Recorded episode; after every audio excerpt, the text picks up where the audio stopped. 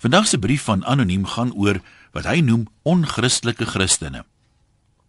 Misdaad het nou so toegeneem. 'n Vriendin van my se beursie is gister by die kerk gesteel van alle plekke. Dit laat 'n mens dink, nê, of laat dit jou liewer drink. Die meeste mense is maar fyn gevoelig vir kritiek en as 'n mens die koerante se briewe kolomme as barometer gebruik, dan is Christene oënskynlik nog meer so. Of dalk moet ek sê mense wat hulle self Christene noem, want daar is nogal 'n verskil. Die mense is maar 'n tropdier en ongelukkig is daar baie mense wat hulle self Christene noem net om daarmee in die bondel te wees en aanvaar te word. Talk is cheap sê die Engelse mos. Oupa anoniem het altyd gesê 'n mens moet maar versigtig wees vir mense wat so te koop loop met hulle geloof.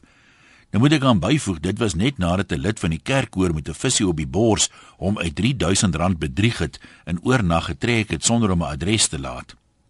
Hy was net so uitgesproke toe hy lees van die glanspaartjie wat so gereeld in die media hulle geloof bely, maar toe hulle verloof geraak het, vergeet het om die Here te raadpleeg. As gevolg daarvan moes hulle toe eers die verloving verbreek en later weer verloof raak. Oupa reken selfs mense wat nie juis die kerk se drempel deurtrap nie, soek darm seker leiding voor hulle tot die grootste stap in hulle lewe oorgaan. Hoe kan die wat so uitgesproke is oor hulle kristendom dan vergeet? Kyk, Christene is natuurlik nie sonder sonde nie. Niemand is nie. Maar 'n mens is 'n mens nie veronderstel om wedergebore te word en 'n nuwe lewe te lei as jy tot bekering kom nie. Die boom word tog aan sy vrugte geken of tel daai versie nie meer nie. Hoekom dra 'n gelowige boom dan dikwels sulke ongelowige vrugte? As daar geen verskil in jou lewe kom nie, dan niks mos eintlik verander nie. Dan is jy mos nie nuut nie. Is dit nie 'n bietjie soos iemand wat sê hy's nou 'n vegetariër? Maar dan lustig aangaan om vleis te eet nie. Maar 'n mens durf Christene se gedrag mos nie bevraagteken nie.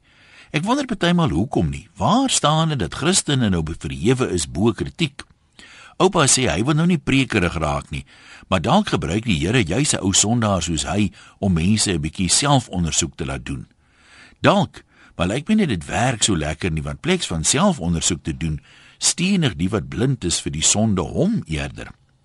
Miskien moet oupa maar berus in die balk en die splinter waarvan die Bybel praat.